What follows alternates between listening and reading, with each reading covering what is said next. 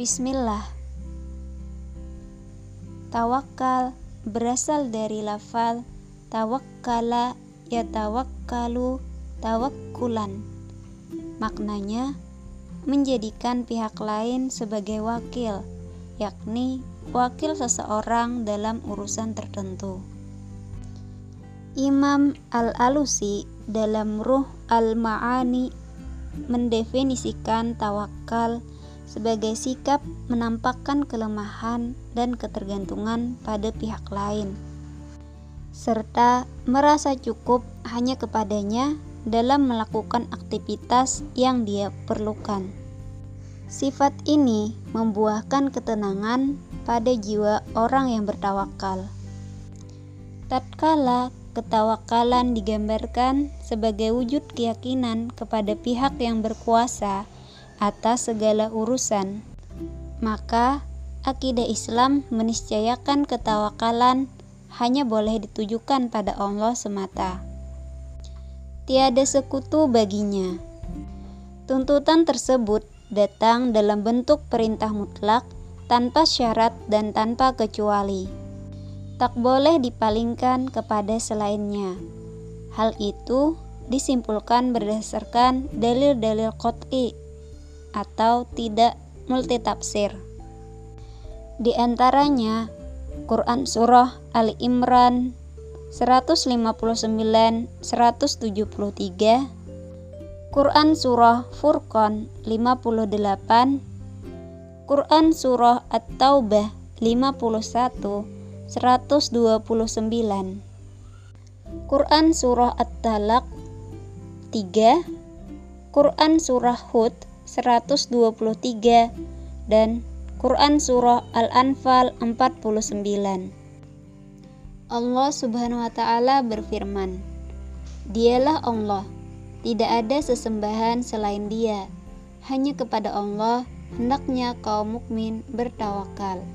Quran Surah At-Tagabun ayat 13 Kandungan ayat yang agung ini sejalan dengan makna ayat pertama dan kedua dalam Quran Surah Al-Ikhlas.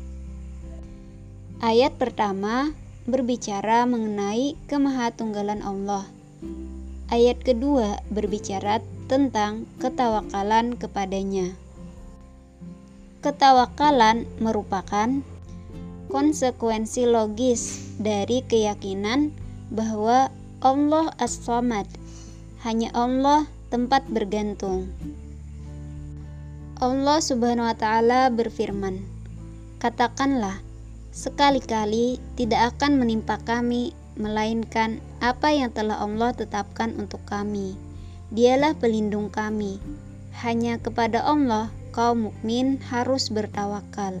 Quran Surah At-Taubah ayat 51 Frasa Alallahi dalam dua ayat tersebut yang dikedepankan dari kata kerjanya takdim ala al-fi'il mengandung faidah kasar atau pengkhususan.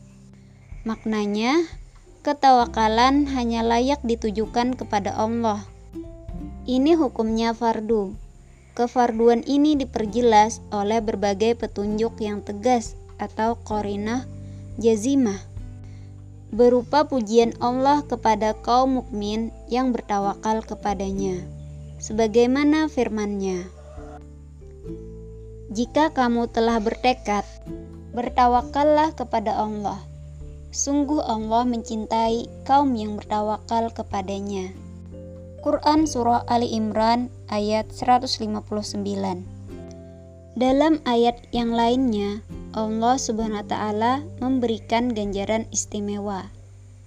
Siapa saja yang bertawakal kepada Allah, niscaya dia akan mencukupi keperluannya.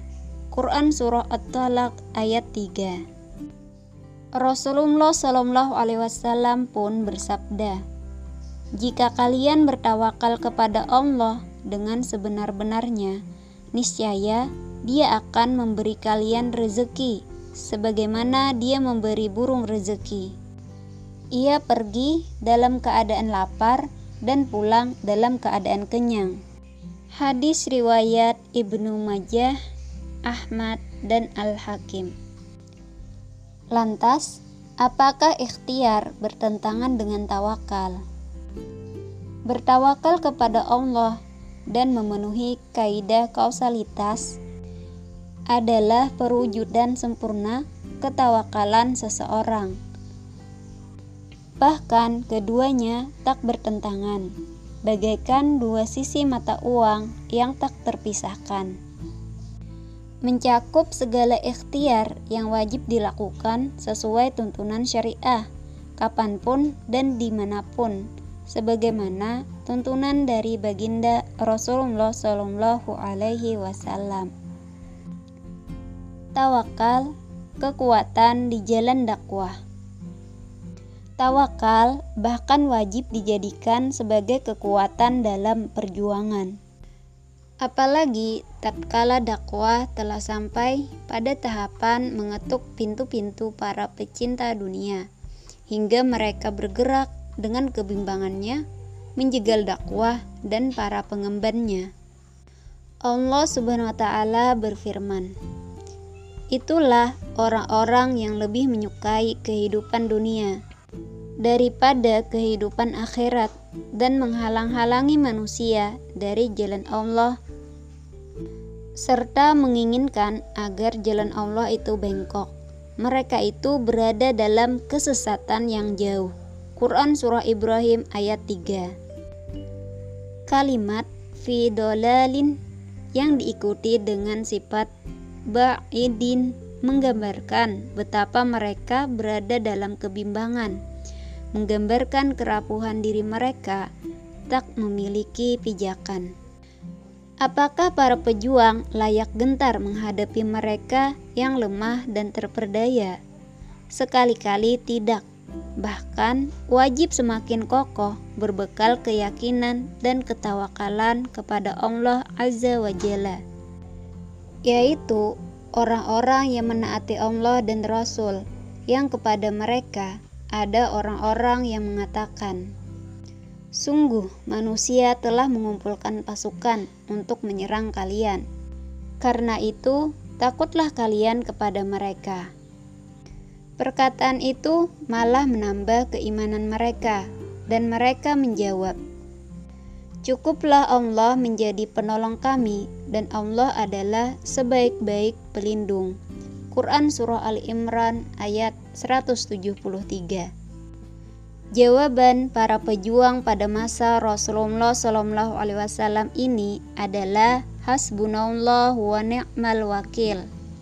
Ini menunjukkan kekuatan iman yang terucap di lisan dan tersirat dalam sikap teguh di atas jalan kebenaran. Keimanan bahwa Dialah Allah yang Maha Kuasa, menguasai segala urusan manusia, hingga tak ada yang layak dijadikan pijakan kecuali Allah. Bukankah Allah Maha Tinggi atas segala hambanya?